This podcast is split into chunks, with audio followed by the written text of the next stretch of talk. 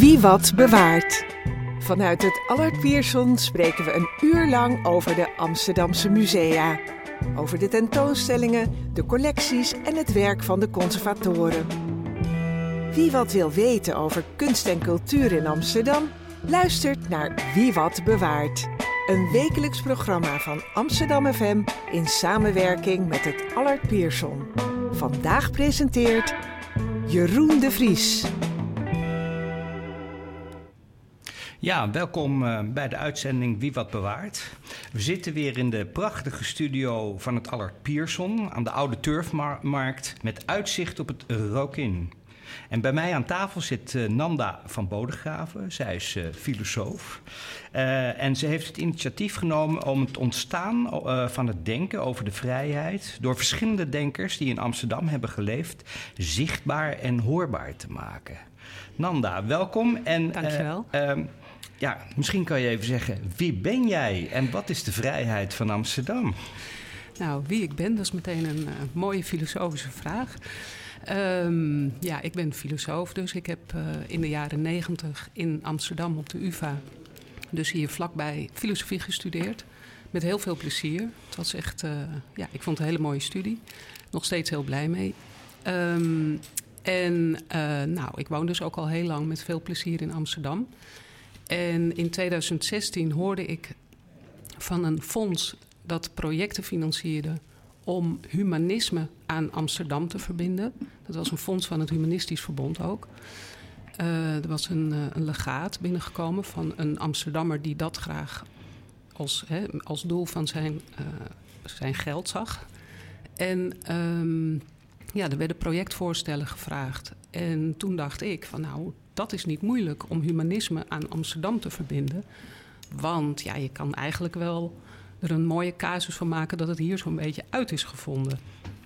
Uh, dat is wel een hele grote uitspraak, maar er is wel heel veel voor te zeggen. Er zijn heel veel dingen gebeurd, vooral in de 17e eeuw.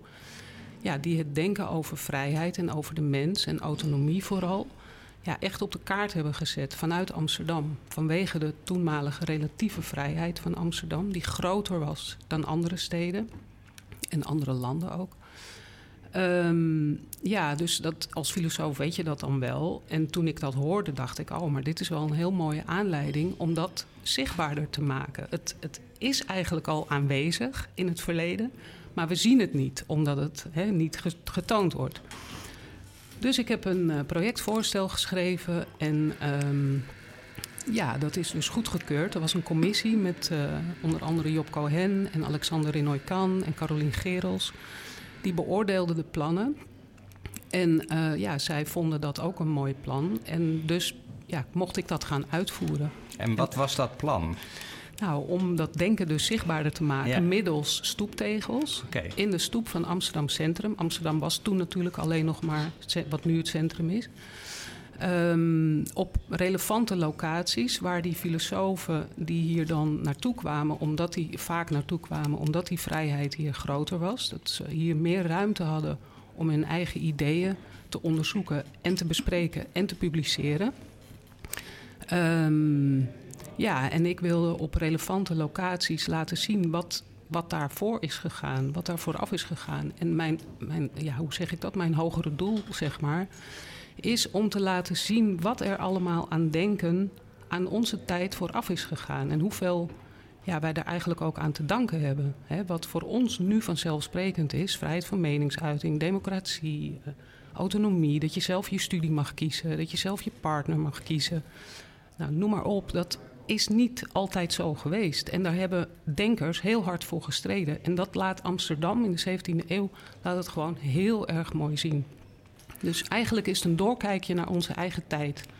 Ja, want uh, dit is wie wat bewaart. Hè? En uh, ik vind, uh, ja, we hebben veel bewaard, maar het is gewoon niet zichtbaar. en jij hebt het zichtbaar gemaakt middels, een, middels tegels, maar die kan je lopen via een wandelroute. Ja. En hoe werkt dat precies? Ja, gratis audiotours. Dat was ook een onderdeel van het oorspronkelijke plan. Um, dus als je naar de site gaat, vrijheidvanamsterdam.nl, Dan zie je daar tegelroutes in het menu staan. En als je, daar, als je dat opent, dan vind je dus een mogelijkheid om die gratis audiotours te openen. En dan kan je met je eigen telefoon en oortjes kan je uh, die wandeling lopen. Als je weinig tijd hebt, dan doe je de korte route. En als je meer tijd hebt, dan doe je de lange route. En als je geen Nederlands kent, dat is voor nu een beetje lastig. Maar als je met internationaal bezoek bijvoorbeeld dat wil doen, er is ook een Engelse versie en er is zelfs een versie voor kinderen. Hey, en die tegels, wat, wat, uh, wat moet ik me daarbij voorstellen? Ja, dat zijn uh, granieten tegels van 30 bij 60 centimeter. En die liggen dus op 10 geweldige plekken in Amsterdam. Bijvoorbeeld bij de Kalvertoren, op de Nieuwe Dijk, uh, op de Westermarkt. Nou, noem maar op. ook bij de Mozes en de Aaronkerk, bij de plein bij de Brakke Grond. Um, en daar staat een quote van een filosoof op, van de filosoof waar het op dat punt over gaat. En dat is een compacte quote waarmee het denken van die filosoof ook ja, samen wordt gevat. En in die audiotour krijg je daar dan een uitleg over waarom die quote zo veelzeggend is voor die filosoof. En er wordt vaak ook een, een hè, er zit sowieso een rode draad in, maar er wordt vaak ook een link gelegd met onze tijd. Van waarom was dat nou zo belangrijk? Wat die filosoof hier zei. Bijvoorbeeld Locke. Dat is echt een hele grote filosoof ook. Die wordt gezien als de vader van de universele verklaring van de rechten van de mens. Die was in Amsterdam ook. En die quote op die tegel die laat ook zien waarom hij zo wordt gezien als vader van de rechten van de mens. En waarom was hij in Amsterdam? nou, hij uh, had de verkeerde politicus gesteund, zeg maar. In Engeland? In Engeland. En uh, hij moest vluchten. Hij was zijn leven niet zeker. En zelfs hier was hij zijn leven niet zeker. Dus uh, die tegel ligt op een brug. Want we weten niet precies waar hij heeft gewoond, omdat hij ondergedoken was. Zo, uh, ja, zo gevaarlijk was het zelfs hier voor hem. En, uh, ja, dat, dat, die ligt in de tegel op de brug in de Damstraat. Ja, precies. Ja, ja, ja, dus daar heeft hij ergens gewoond. Ja, maar, maar, we, weten, niet precies waar. Niet wie. ja, zo goed is dat verborgen gebleven. Ja, en dit is ook. ook ik, ik heb nu al de neiging om, om uh, heel veel te vertellen. Uh, we weten dat hij een schuilnaam had. Dezelfde schuilnaam als Hugo de Groot. Die ook natuurlijk op een gegeven moment zijn leven niet zeker was. Ja. Um, en daar zie je aan dat het een soort underground was van mensen die uh, probeerden ja, elkaar ook te helpen om ja, andere ideeën te kunnen hebben en te laten horen. Er was echt een soort uh, vriendenkring van, van mensen die elkaar beschermden. Dat is voor mij ook een heel belangrijk onderwerp in de wandeling. De Amsterdamse Spinoza-kring. Dat is ook een hedendaagse organisatie die het denken van Spinoza toegankelijk maakt. Ze hebben mij enorm geholpen. Ook met het vormgeven van de routes. En, maar dat, dat gaat, dat, dat, zij heette zo omdat Spinoza ook een vriendenkring had die ontzettend belangrijk voor hem was. En dat is echt heel erg gekoppeld aan Amsterdam. Hier kon je andersdenkenden ontmoeten, hier kon je met elkaar in gesprek. En dat gebeurde ook ontzettend veel. En ja, dat is heel mooi omdat. Uh, ja, omdat zo, toen ik dit project ging doen, wist ik dit van tevoren ook allemaal niet. En dan kom je daar zo langzaam maar zeker achter en denk je, jeetje, het was echt een, ja, het gisten hier, het zelfdenken en uh, ja, goed over dingen nadenken en er met elkaar over sparren en beter denken met elkaar. En Spinoza is daar ook echt een product van, van, dat, ja, van, die, van, die, van die gistpot, zeg maar, hoe moet ik dat zeggen?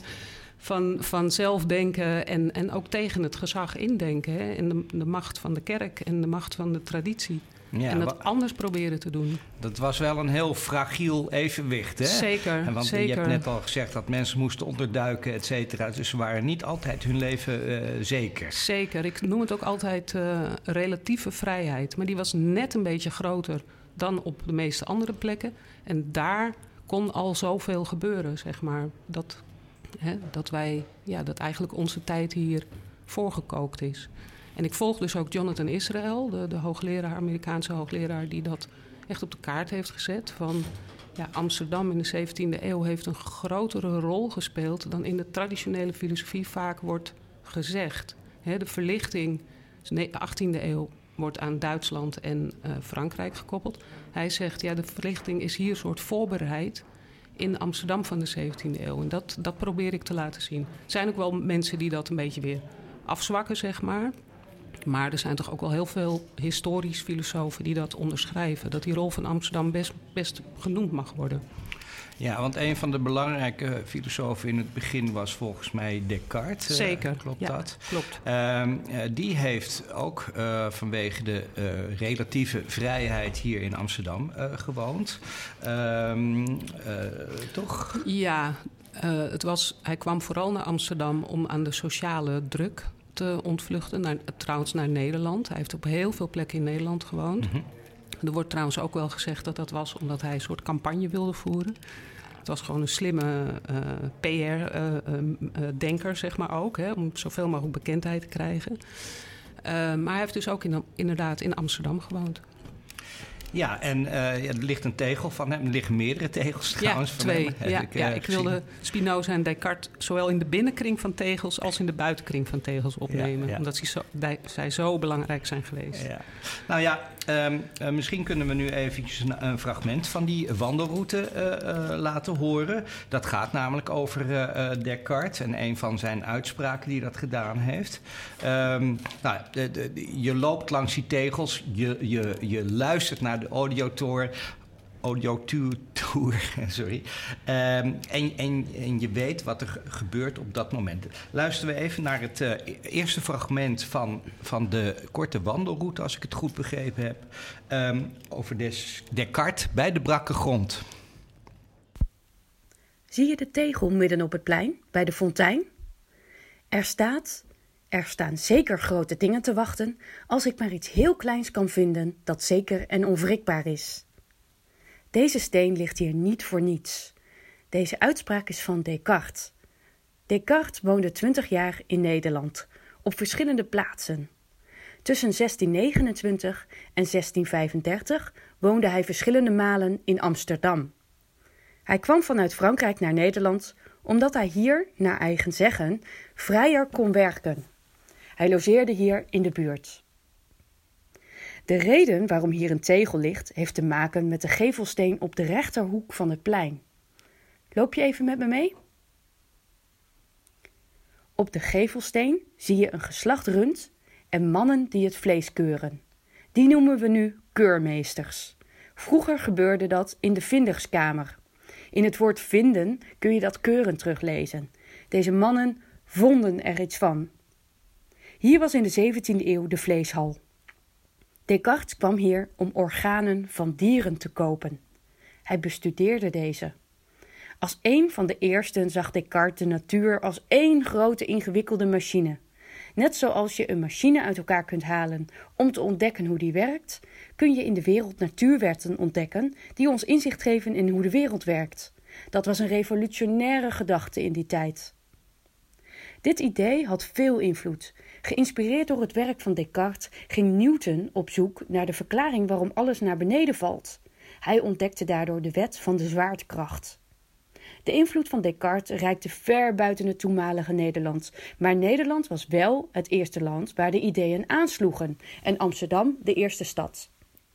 In het vervolg van deze wandeling kom je verschillende denkers tegen die voortbouwen op het denken van Descartes. Laten we nu terug naar de tegel gaan.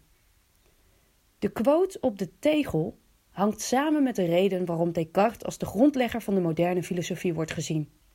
Descartes wilde niet alleen van alles zelf bestuderen, hij wilde ook bepalen wat als zekere kennis geldt. Hij wilde niet meer voor waar aannemen wat traditioneel als waarheid gold, bijvoorbeeld wat de kerk vertelde. Hij ging daarvoor radicaal te werk. Hij ging aan alles twijfelen, om zo te ontdekken wat de twijfel kon weerstaan. Hij vond bijvoorbeeld zintuiglijke informatie niet onbetwijfelbaar genoeg. Want ook dit kan onjuist zijn. Soms denk je bijvoorbeeld een vriend te zien, maar dan blijkt het een onbekende. Of je denkt dat je nu in Amsterdam bent, maar misschien droom je wel. Hij ontdekt dat er maar één ding zeker is, namelijk dat hij zelf denkt. Op de Westermarkt ligt nog een tegel voor Descartes, met daarop het volgende citaat: Ik denk, dus ik ben. Terwijl ik wilde menen dat alles onwaar is, besefte ik dat het noodzakelijk waar is dat ik, die dat dacht, iets ben. De enige onbetwijfelbare zekerheid volgens Descartes is dat hij weet dat hij bestaat omdat hij denkt.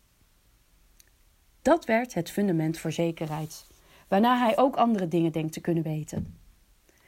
Descartes ontdekt, meteen na zijn twijfelexperiment, dat God ook moet bestaan. Ook zette Descartes het zelf inzien op de eerste plaats, pas daarna kwam God. Daarom wordt er gezegd dat Descartes het individu in het centrum van de wereld zet, terwijl daarvoor God het centrum innam. De filosofie van Descartes werd de nieuwe filosofie genoemd. De boodschap dat je zelf iets duidelijk en helder moet kunnen inzien, vonden velen ontzettend inspirerend. De geest was uit de fles. Het riep een storm van discussie op. Echter, niet iedereen vond het inspirerend. Op veel plaatsen werd de nieuwe filosofie verboden, omdat traditionele waarheden, zoals het bestaan van God, op losse schroeven kwamen te staan. Tijdens deze wandeling kom je meerdere denkers tegen die aangestoken zijn door de oproep tot zelfdenken van Descartes. Grote kans dat deze grondlegger van het moderne westerse denken hier heeft gelopen. Deze plaats is dus heel belangrijk in de westerse filosofie en het belangrijker worden van de wetenschap. Jij staat nu dus op een heel bijzondere plaats.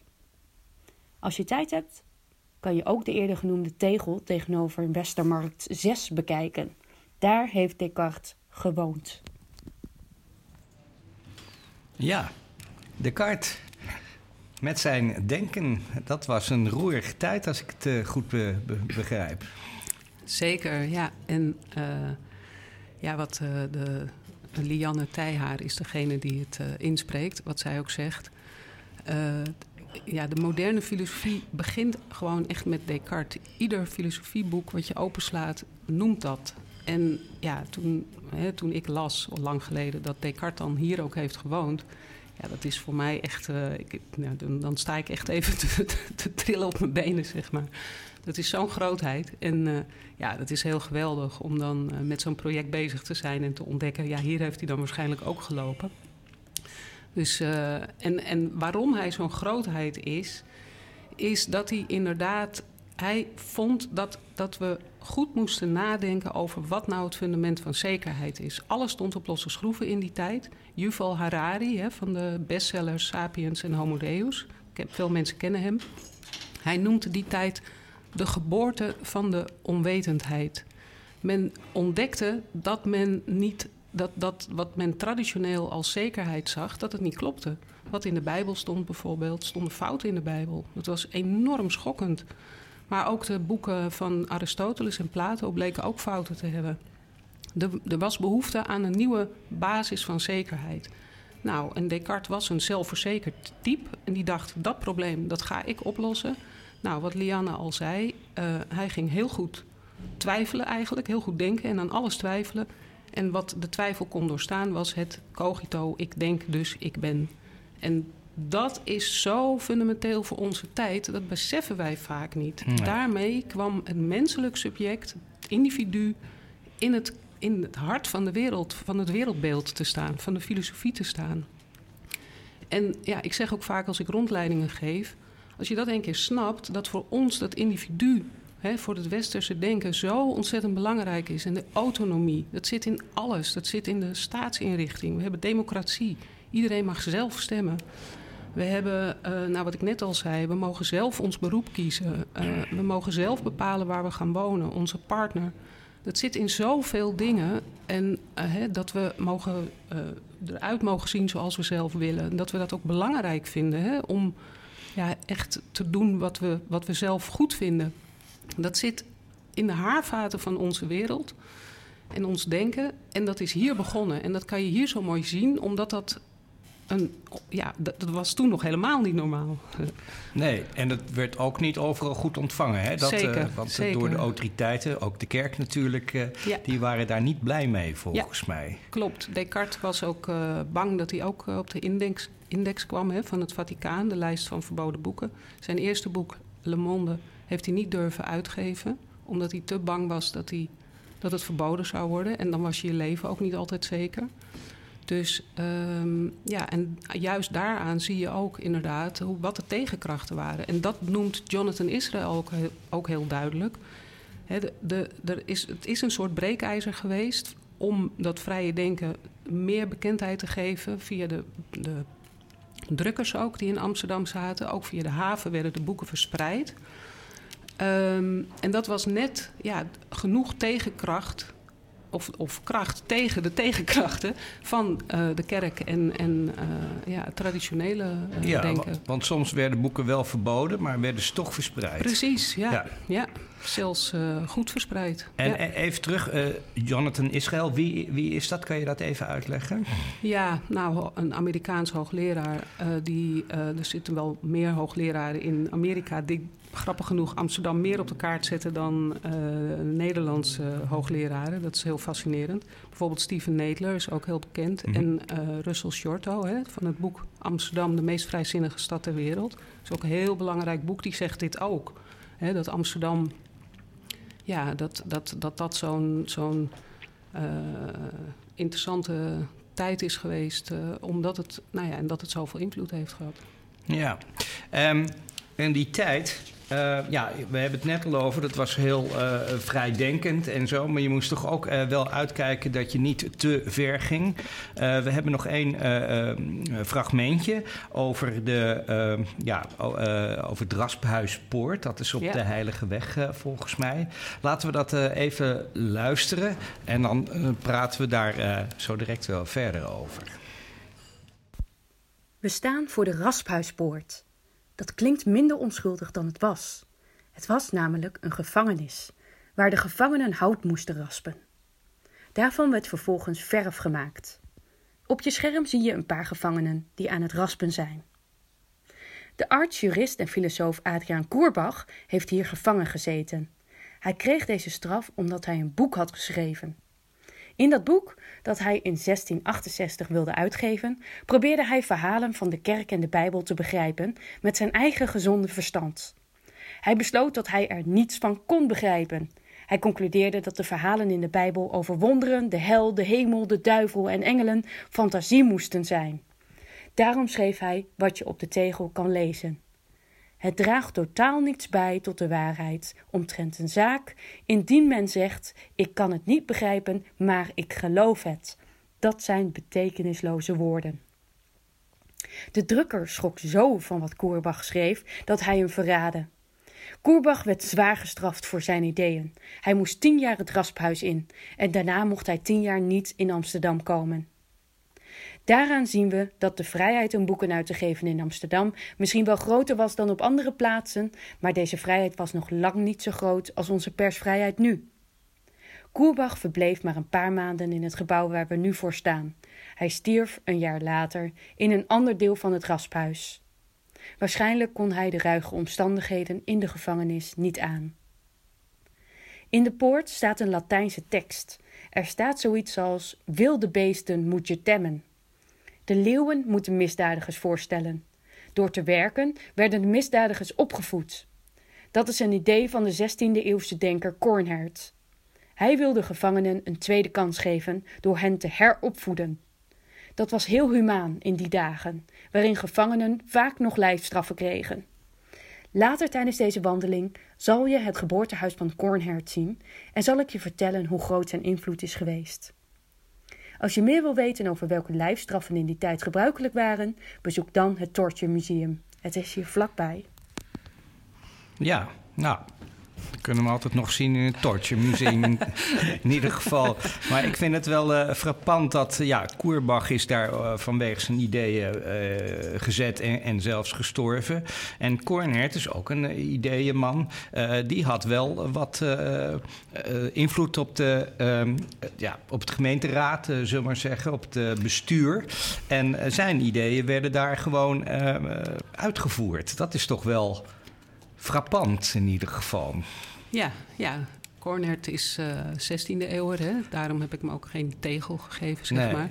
Ook omdat er wel in het geboortehuis, in zijn geboortehuis, staat ook een, een band hè, met een tekst uh, ter ere van hem.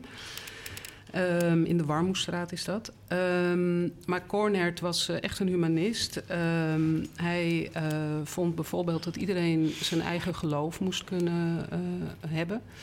En eh, hij zei dan ook, ja, iedereen vindt over het algemeen zijn eigen geloof waar. Dus daarom ja, kan je dat ook niet verbieden, een ander geloof.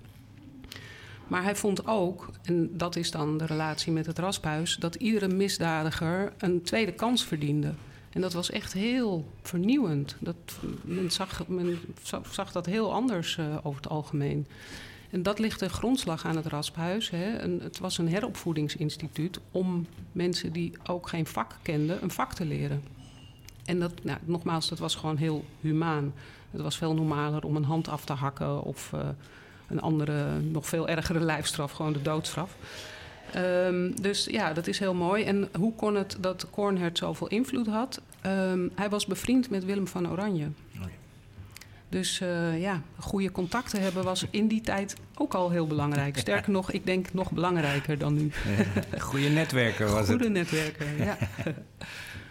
Ja, um, nou ja, ik heb uh, zelf ook een gedeelte van die uh, uh, tegelroute gelopen. Het is erg leuk. Overigens, je kan het zelf doen, maar je kan ook dat onder begeleiding doen. Hè? Dat, dat zei je zelf al, want jij doet dat ook.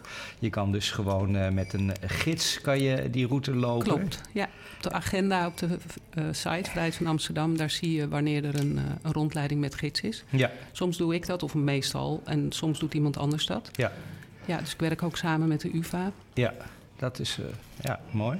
Um, nou ja, ik heb dus uh, zelf met mijn vrouw gelopen. Ik, ik, uh, ik geef even de reactie van mijn vrouw weer. De, dat, dat is wel leuk, dacht ik, om even een reactie te horen. Ik heb net de audio-tour um, van, het uit, van de uitgebreide route, deel 1, de vrijheid van Amsterdam, gelopen. Dat heb ik samen met Trudy Nieuwendijk gedaan. En nou ja, we zijn nog niet helemaal klaar. We zitten nu op de Nieuwe Zijds Voorburgwal bij Café Scheltema. Waar vroeger de journalisten kwamen, vrijheid van meningsuiting, hè, daar hebben we het al over. En ik wilde Trudy even vragen, wat vond je ervan? Ik vond het uh, erg goed om een keer met een hele gerichte focus door mijn Amsterdam te lopen. En de focus, vrijheid en te denken, hoe was het hier 400, 500 jaar geleden? En wat heb ik daar nu nog aan te danken? En ik denk heel, heel veel. Oké, okay, en wat heb je daar aan te danken? Want het gaat over de vrijheid van, Am van Amsterdam. Ja, wij nemen dat altijd vanzelfsprekend aan, omdat je het niet beter weet. Je bent in vrijheid opgegroeid. En we leven nog steeds in een relatieve vrijheid. Maar dat het zijn roots, zijn oorsprong zo ver in het verleden heeft, dat uh, besef je niet altijd. Nou, we hebben een gedeeltje van, het, uh, uh, van deze wandeling gelopen. Kan je het aanraden aan andere mensen mm -hmm. om het te doen?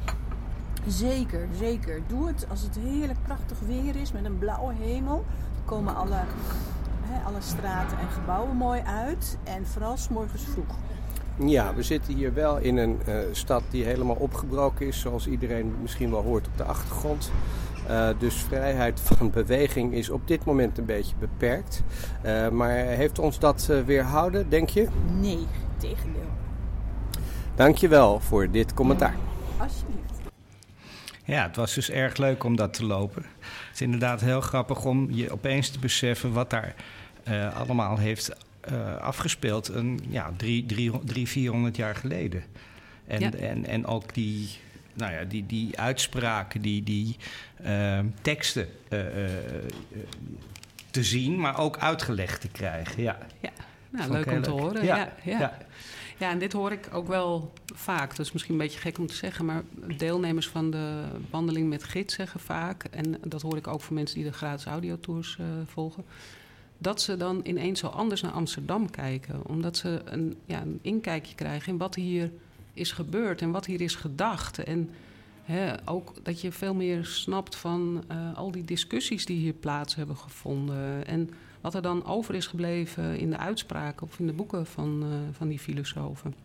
En ook, er zijn ook een aantal hele mooie plekken bij. Ik weet niet precies wat jij hebt gelopen, maar hè, die Rasphuispoort, dat is gewoon een hele mooie poort. En de mensen gaan heel vaak lopen de Kalvertoren in, maar die zijn eigenlijk niet bewust van die poort. En hetzelfde bij de Oude Schouwburg hè, aan de Keizersgracht. Dat is ook een hele mooie plek, ook een heel interessant figuur. Lodewijk Meijer kende ik zelf ook niet voordat ik uh, aan dit project begon. is ook een heel interessant figuur. Die was directeur van die Schouwburg. Dus ook echt een, uh, ja, een belangrijk uh, iemand, belangrijke positie. Had hele goede contacten. Maar was ook ontzettend idealistisch. En uh, ja, die, die, schreef dus ook een boek, wat ook direct verboden werd trouwens, omdat het ook veel te vrijzinnig was. Maar dat deed hij geloof ik niet onder zijn eigen naam. Wel onder zijn oh. eigen naam. Nee, anoniem eerst. Het is eerst anoniem gepubliceerd. Maar ja, je hebt gelijk. Dat was ik weer vergeten. Soms vergeet ik ook weer dingen. um, en het werd ook daarom aan Spinoza toegeschreven. Ja. ja. Nee, want hij wilde, hij was, uh, nou, ik vond het erg leuk om te zien de eerste Schouwburg. Dat, dat wist ik niet eens. Precies, ja. Want het is nu een, een, restaurant volgens mij. En een hotel, ja. En een hotel, oké. Okay. Hotel de Dillen, ja. En de, maar de poort of de, de façade is er uh, gewoon nog steeds heel mooi aan de gracht. En ehm, uh, hij, hij, wilde ook dat de gewone mensen ook toneel konden zien. Ja, dat, precies. Hij was inderdaad, zoals je zei, een idealist. Ja, en dat was ook uh, ja, een soort uh, opvoeding, zeg maar. klassieke toneelstukken meegeven en ook ja, de, het volk erover na laten denken. Dat was ook in het Nederlands, hè, dan kon ook iedereen erbij zijn. Dus ja, dat was echt heel idealistisch. Ja. Ja, en, en hierna, nou ja, we hebben nog niet al te veel genoemd Spinoza. Hè, dat was natuurlijk een heel belangrijke uh, denker. We hebben ook, een, zullen we het straks over hebben, een standbeeld bij de Stopera. Ja, heel mooi, heel fijn dat hij er is. ja, hoe, hoe, waar komt hij in het verhaal? Ja, nou, ik denk soms dat het allemaal naar Spinoza toe leidt. Hè, um, ja, ik leg in de, in de routes altijd uit dat Descartes was een, uh, ja, hoe moet ik het zeggen, dacht heel goed na, maar hij maakte ook een hele grote fout in zijn denken. En die fout is ook heel invloedrijk geweest, helaas zou ik bijna zeggen. Namelijk, dat is het dualisme van Descartes. Dat is even wat filosofischer stukje dan. Hij uh, dacht eigenlijk dat er twee werkelijkheden waren: de materiële werkelijkheid en de geestelijke werkelijkheid. De res cogitans is het geestelijke en de res extensa is het materiële. En zo, die termen zijn ook voor veel mensen wel enigszins bekend. Um, maar daar zit een heel groot probleem in. Namelijk als het geestelijke iets totaal anders is dan het materiële, dan is er geen interactie mogelijk. Dan kan je bijvoorbeeld, je denkt, goh, ik ga mijn arm bewegen. Maar hoe weet je arm het als het een totaal andere werkelijkheid is? Dat wordt het interactieprobleem genoemd van Descartes. Dat is niet oplosbaar. En grappig genoeg zei een vriendin van Descartes dat al. Hij had een ja, soort van vriendin, uh, Elisabeth, Elisabeth van der Pals. Zij wees hem daar al op. Zij corresponderen heel intensief. Maar Descartes heeft dat een beetje afgedaan. Zo van, nou, jij vrouw, jij uh, kan dat ook niet snappen. En hè, dat was natuurlijk ja, dat lag ook voor de hand om dat te doen. Want vrouwen werden ook niet geacht te denken, helaas. Daarom is er ook helaas geen tegel voor een vrouw. Had ik heel graag gewild. Maar ja. ze mochten helemaal niet publiceren of wat ook. Dus nou ja, dat is heel jammer. Maar goed, Descartes deed haar dus ook af. Maar um, het, het, is een onoplosbaar probleem in zijn filosofie. En Spinoza heeft dat eigenlijk opgelost. Hij zegt namelijk dat er maar één substantie is. En um, dat het denken een natuurverschijnsel is. En ja, dat, heeft, dat is ook weer heel invloedrijk. Dat is een heel fundamenteel andere filosofie dan Descartes had. En um, ja, daar komt, daar komt zoveel uit voort. ik weet nu ook even niet waar ik moet beginnen, zeg maar. Uh, wat, nou ja, wat... goed. Uh, uh, ja, wat, wat is het belangrijke van, van Spinoza? Wat, wat, wat is zijn invloed ja, geweest? Dan? Nou, dit is dus al heel belangrijk dat de mens een onderdeel van de natuur wordt. Mm -hmm. hè? bijvoorbeeld Damasio, een neurowetenschapper, die schreef ja, twintig jaar geleden ongeveer twee boeken. Eén is De Vergissing van Descartes en het andere, andere titel is Het Gelijk van Spinoza. Doordat Descartes die geestelijke substantie als totaal loszag, dan kan je ook zeggen dat de mens de, boven de schepping staat, zeg maar, of boven de, de materiële werkelijkheid. Ja, daar volgt heel veel uit, dat hij de kroon van de schepping is, bijvoorbeeld. Spinoza zegt: de mens is een onderdeel van de natuur. Dat is dus een heel ander mensbeeld en een, een veel natuurlijker mensbeeld. Maar er volgt ook uit, uit het denken van Spinoza, dat het heel moeilijk is om een God te denken die losstaat van de natuur. Nou, en dan voel je al aan, dan wordt het problematisch natuurlijk. Hij kon zich niet voorstellen, hij, hij zei dat, er geen, dat God niet een persoon was. In de zin van de, de christelijke God is een persoon die in kan grijpen in de natuur. En dat is ondenkbaar voor Spinoza. Nou ja, dan weet je natuurlijk al uh, dat het uh, hommeles is, als, je, als dat de consequentie is van zijn filosofie.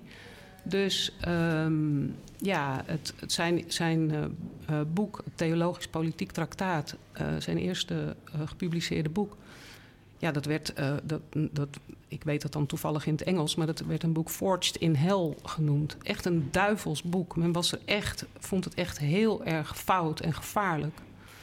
Omdat daarmee het hele christelijk wereldbeeld op de schop kwam.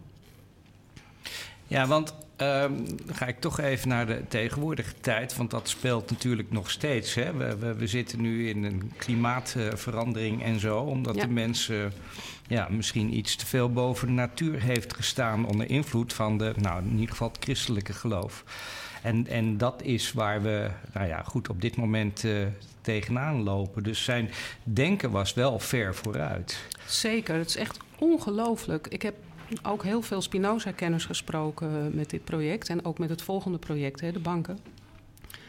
En Mirjam van Rijen, een heel bekende Spinoza-kenner in Nederland, zij zei: Ik ken nog steeds geen filosoof die zo consequent heeft gedacht. En dan, als je dan ook nog meeneemt dat Spinoza veel minder wist dan wij nu weten, maar dat hij met die paar brokjes kennis zo'n ongelooflijk coherent wereldbeeld heeft uitgedacht. Het is echt ongelooflijk. En ja, daar ben ik het mee eens. Het is heel knap wat hij gedaan heeft. Ja, want je hebt het, uh, het net al eventjes aangestipt. Uh, een nieuw project, hè? Ja. En dat is de Spinoza-route. Um, dat is iets anders dan, uh, dan de tegelroutes. want je moet op de fiets. Ja, het is ook wel een, een, stukje rijden, volgens mij. Um, uh, misschien is het uh, leuk om ook hier even een fragment, uh, het begin van de, van de route te laten horen. Is dat goed? Ja, ik kan er ook nog even iets over ja. vertellen eerst. want nou, dit project was klaar en veel enthousiasme, ook best veel PR voor geweest, mooie artikelen. En toen vroeg het Humanistisch Verbond of ik een vervolg wilde maken. Ook vanwege hun 75-jarig jubileum, dat was in 2021. En um, toen wilden we wel ook wat andere wijken bereiken. Dus niet alleen in het centrum, maar groter gebied beslaan. Nou, dan zit je al snel op de fiets natuurlijk. Ja. en, um, ja, en ik vond dit onderwerp waar we het net over hadden, de mens als onderdeel van de natuur, dat, dat, ja, daar moeten we iets mee, denk ik. Dus dat wilde ik als, als kern nemen. Nou ja, en dan is het heel voor de hand liggend om Spinoza ook uh, daarbij te noemen natuurlijk. En um, dat zijn dus banken geworden die in stadsnatuur in Amsterdam staan. Dus, dus stukjes uh, stadsnatuur. En dan kan je nadenken via podcast over de mens in relatie tot de natuur. Ja, en op die banken staat ook een, een, kunstwerkje. Ja, precies. Ja, een uh, armleuning van geprint afvalplastic, dus 3D geprint. En daar zit een QR-code in. En met die QR-code kan je met je telefoon een podcast openen. En dan kan je op die bank een beetje reflecteren in stadsnatuur over mens en natuur. En Artes die vertelt dus over organismen uit de omgeving van die bank. Dus dat is, uh, dat is ook een superleuke samenwerking geweest. En uh, ja, dat is onderdeel van die uh, Spinoza-route. Ja, je hebt met uh, zeer veel mensen samengewerkt ja. voor deze route. Erg Klopt. leuk. Laten we even naar het eerste fragment gaan. Het is echt ook het begin van de, ja. van de route. En daar wordt iets meer uitgelegd. Welkom bij de Spinoza-route. Een podcast en fietsroute waarin biologen, wetenschappers, filosofen en buurtbewoners nadenken over mens en natuur. Naar aanleiding van Spinoza, die stelde dat de mens deel van de natuur is. En dat is een kernachtige uitspraak uit een van zijn beroemdste boeken, de Ethica. En dit is punt 1 waar we staan. Ik ben Andrea van Pol en ik zal u meenemen op deze route, bruisend Amsterdam door. Vanaf hier naar het Nelson Mandela Park in Zuidoost. Amsterdam bruist niet alleen van de mens, ook van dieren en planten.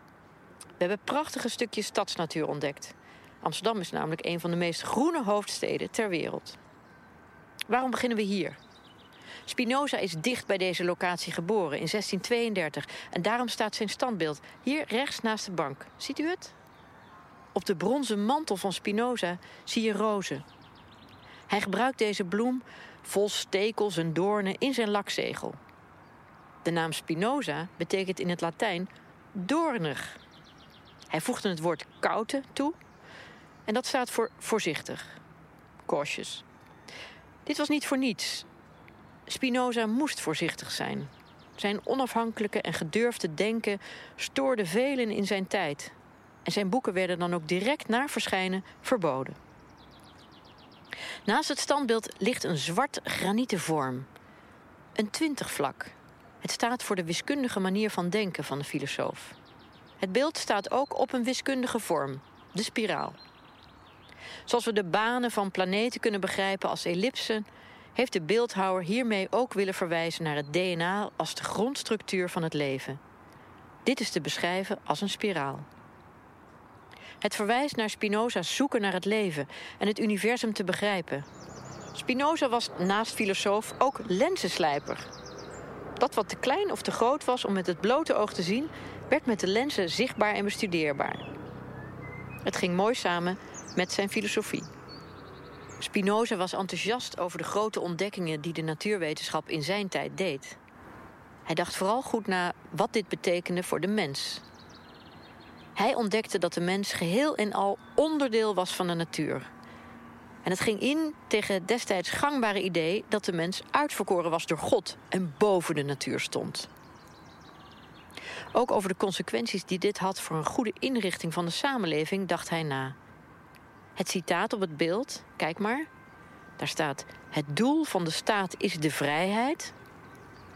Is een samenvatting van zijn ideeën hierover. En dit zal onder andere onderweg besproken worden door hoogleraar Spinoza-studies Henri Krop. Hij zal tweemaal aan het woord komen bij punt 6 en punt 11. Krop is verbonden aan de Amsterdamse Spinoza-kring. Deze naam verwijst naar de Amsterdamse kring van vrienden die Spinoza had en die zijn onafhankelijke geest hebben helpen vormen. Zijn denken kon met behulp van hen groot worden. De relatieve vrijheid van het Amsterdam in de 17e eeuw maakte de uitwisseling tussen alle verschillende geesten mogelijk. In de leuning van de bank zie je het portret van Spinoza. De podcast De Fietsroute bestaat uit 11 punten. Verschillende mensen denken in andere afleveringen vrij over die uitspraak van Spinoza na: dat de mens deel is van de natuur beroemde wetenschappers zoals Robert Dijkgraaf. Een van mijn favoriete wetenschappelijke afbeeldingen is een tekening van de natuurkundige John Wheeler. Het is een grote hoofdletter U. De U van universum. Op het ene pootje staat een oog. Dat kijkt naar het andere pootje. Het heelal dat zichzelf observeert. Dat kosmische oog, dat zijn wij, de mens, de wetenschap. Andrea Maier, Spinoza schreef: Het leven krijgt pas zin als ook zoiets als de dood bestaat. Doordat we weten dat we fysiek eindig zijn, komen we tot daden. Amade Mecharek. Ons plaats in de natuur is ontegenzeggelijk. En in vele opzichten een aanknopingspunt voor hoop. Maar helaas is de natuur, in het bijzonder in de westerse beschaving, ook een stok geworden om anderen mee te slaan. De natuur zijn de anderen. En de filosoof Damian Denis. De natuur maakt ons menselijk. En toch is het die weerkerende frictie. Ik heb het gevoel dat de mens te groot is geworden voor deze aarde, maar nog te klein voor het heelal. Ook biologen van Artis inspireren ons. De vroedmeester pat dankt zijn naam aan de bijzondere broedzorg, namelijk door het mannetje. Na de paring legt het vrouwtje de eitjes niet in het water. Het mannetje draagt de eitjes. Drie tot zeven weken. met zich mee op zijn rug. En we hebben voorbijgangers en buurtbewoners op verschillende plekken uitgenodigd te reageren. Ja, dat is het mooie natuurlijk. Dat, kunnen de, dat, dat kan de gele kosmos niet. De algen hebben hun functie en dat zal altijd hun functie blijven. Dat hetzelfde geldt voor de schimmel, maar wij kunnen daar aanpassen. En ik denk dat dat het mooie is van, ja, als we de mensen vergelijken met kosmos. Doet iemand dat ooit? en soms hebben we een speciaal persoon uitgenodigd, zoals de nachtburgemeester van Amsterdam. De nacht, daar vindt vaak een ander soort verbinding plaats. In de nacht vervagen grenzen. Genoeg te horen dus. Goed, we gaan op weg. Let onderweg wel zelf op het verkeer. En in sommige parken mag je niet fietsen. Dan vragen we je de fiets te parkeren of aan de hand mee te nemen. Je vindt de hele Spinoza-route op vrijheidvanamsterdam.nl. Ook kan je daar een gratis audiotour vinden die je langs tien stoeptegels leidt met quotes van filosofen die afkwamen op de relatieve vrijheid van Amsterdam in de 17e eeuw. Het Amsterdam waar Spinoza opgroeide. Verschillende van zijn Amsterdamse filosofenvrienden komen langs tijdens deze audiotour. Veel plezier!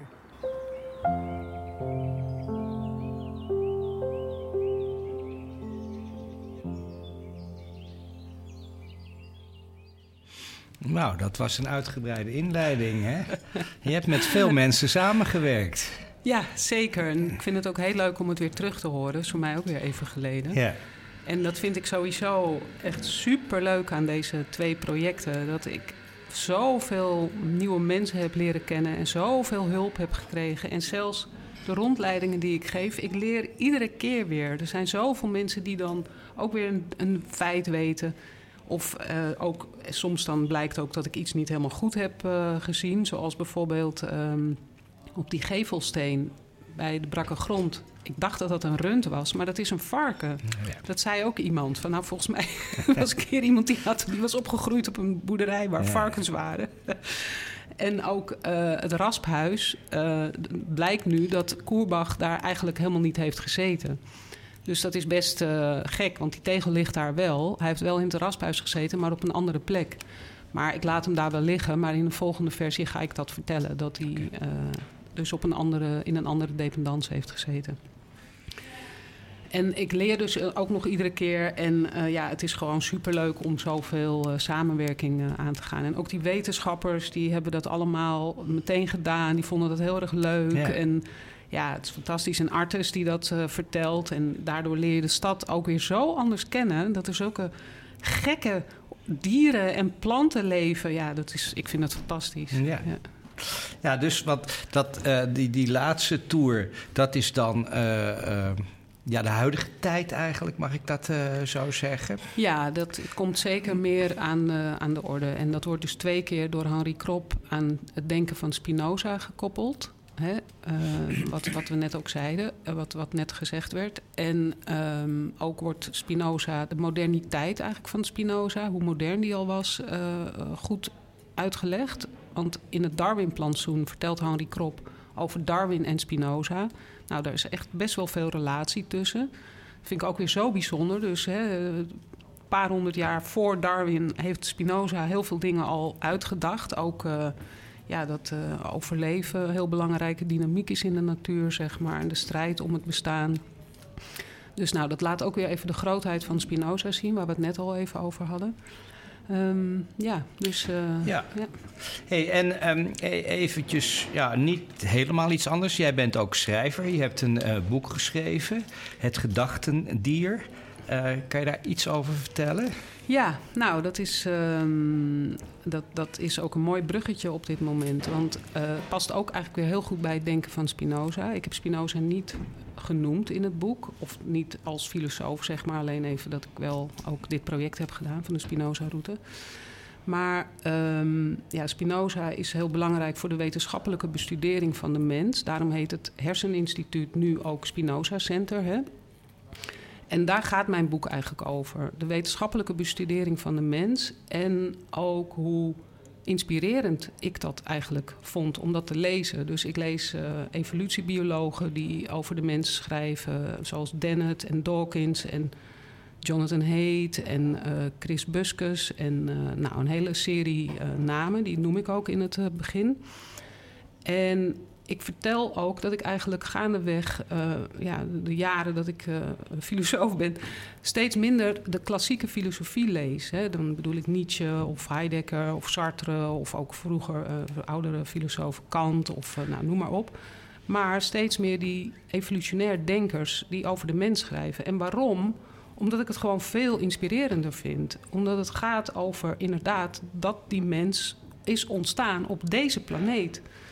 En uh, dat, we dat, dat we leven met heel veel andere soorten. En dat we daar overeenkomsten mee hebben, of juist heel verschillend zijn. En wat dan de eigen aard van de mens is. En um, ja, ik heb het ook wel over de uniciteit van de mens. En dat wordt heel snel uh, misverstaan. Alsof ik zeg dat de mens superieur is. Dat zeg ik absoluut niet. Maar ik zeg wel dat de mens meer kan, denk ik. En ook in destructieve zin helaas dan veel andere dieren. En als we dat goed beseffen, dat we dan ook beter met onze wortels, de natuur, om kunnen gaan. Als we onze eigen macht en kracht beter beseffen en beter zo inzetten dat we die natuur niet kapot maken.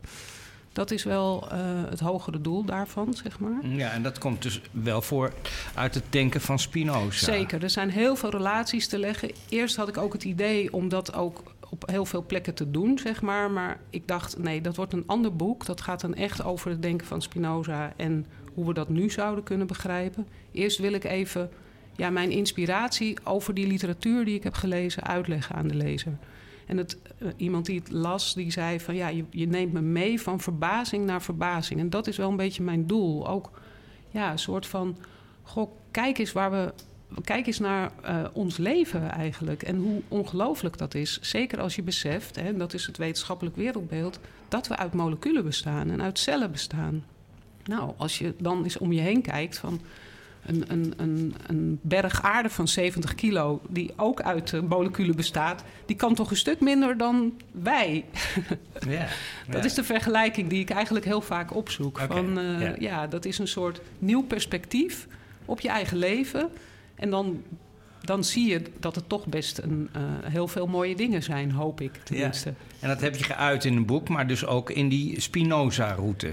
Ja, dat is inderdaad wel een soort opmaat daarheen, ja. Maar dat komt wat minder uitdrukkelijk hè, in de Spinoza-route naar voren... omdat ik veel meer andere mensen aan het woord laat. Ook heel veel buurtbewoners en zo. En hoe zij denken over de thema's die aan de orde komen. Hè. Dus er komen verschillende thema's die we delen met mens... die mens en dier of plant delen. Dus dat is uh, een, ja, hoe moet ik het zeggen, een wat lossere, lossere verzameling gedachtes dan mijn boek. Mijn boek is echt een betoog in negen hoofdstukken over de vermogens van de mens. En de eerste delen we met dieren en dan komt de mens in beeld. Oké. Okay. Ja. En dus... je kan het in twee uur lezen. Heb ik nu al van heel veel mensen gehoord. het is een, ook een boek om te proberen om het wetenschappelijk denken over de mens heel toegankelijk te maken. Okay, en dat, en... Is, dat ben ik echt heel blij om, dat, dat het goed in twee uur te doen is. En waar, waar kan je dat kopen? Waar, hoe kan je dat uh, bestellen? Het is uitgegeven bij de ISVW. Dus daar kan je het uh, uh, gewoon, als je googelt ISVW gedachtendier, dan kom je er meteen. En er is ook een site bij, gedachtendier.nl. En daar vind je ook een link naar hoe je het kan bestellen. En het is ook gewoon in de boekhandel be, be, verkrijgbaar. Bij Scheltema hier in de buurt zag ik uh, een paar maanden geleden een hele stapel liggen. Dus op de derde verdieping. Nou, spannend. Ja, ja leuk heel leuk. Ja, ja, ja. Leuk om je ja, gedachten te verspreiden. Net als uh, al die denkers in de, in de 17e eeuw. Zeker, zeker, ja. Um, ja, nou ja, uh, we hebben uh, behoorlijk veel gepraat over het verleden, zullen we maar zeggen. Uh, en het heden, jouw boek. zijn er nog dingen die je nog even kwijt wil? ja, wat ik nog wel kwijt wil is. Um, Kijk, als we naar Amsterdam in de 17e eeuw kijken, dan wordt er heel vaak uh, ook gezegd: ja, maar wil je daar nou wel zoveel aandacht aan besteden? Hè? En uh, dat is natuurlijk ook een hele ellendige eeuw geweest. En dat, dat is ook zo. Hè? Dus die vrijheid resulteerde ook in verschrikkelijke uitbuiting. En, en er waren enorme inkomensverschillen. Ik zeg wel altijd: van mij gaat het erom wat er. Hè, het, denken over vrijheid wat ons voor is gegaan. Er zijn ook mooie dingen gebeurd. En uh, ik, in het begin van de wandeling zeg ik altijd: twee woorden zijn heel belangrijk als we die 17e eeuw willen begrijpen. Dat is geld en vrijheid. En die gaan voortdurend een wisselwerking aan. Die die, die uh, persvrijheid die groter was in Amsterdam, dat leverde heel veel geld op. Maar het mooie ervan was ook weer dat dat denken wel verspreid is. Dus die idealen en geld, dat gaat altijd samen in Amsterdam in de 17e eeuw. Het is ook heel, heel interessant en heel spannend. Maar ik vind dus ook dat we allebei de kanten moeten zien. Dat is ook een doel van mij. Ja, want dat komt ook, uh, uh, wordt ook gezegd in, in die tours. Hè? In ieder geval de, de slavenhandel natuurlijk. Ja. Hè? En niet uit die tijd waar echt wel veel geld mee verdiend is. Dat komt ook allemaal aan het woord eigenlijk. Ja, precies. En ik verwijs dan ook naar een uh, wandelroute die dat echt als onderwerp heeft. Hè, wat ja, heel belangrijk is natuurlijk ook. En ik verwijs sowieso naar veel andere instituten, musea enzovoort enzovoort. Het Scheepvaartmuseum is natuurlijk heel interessant. Uh, de Onze Lieve Heer op Zolder is heel mooi. Naar Amsterdam Museum. Dus dat vind ik ook heel leuk. Dat het, ja, er zijn heel veel andere instituten waar, waar je verder mee kan met de onderwerpen uit de wandeling. Goed, dankjewel. Uh, Nanda van Bodegraven voor deze mooie podcast. Uh, ja, de, die wandelingen zijn uh, te vinden op vrijheidvanamsterdam.nl. Het is al genoemd. En nou ja, wij sluiten hier af met deze podcast Wie Wat Bewaart. Um, met dank aan ons gast, Nanda. en ook aan natuurlijk Allard Pierson en de techniek Abe Iping. Dank jullie wel.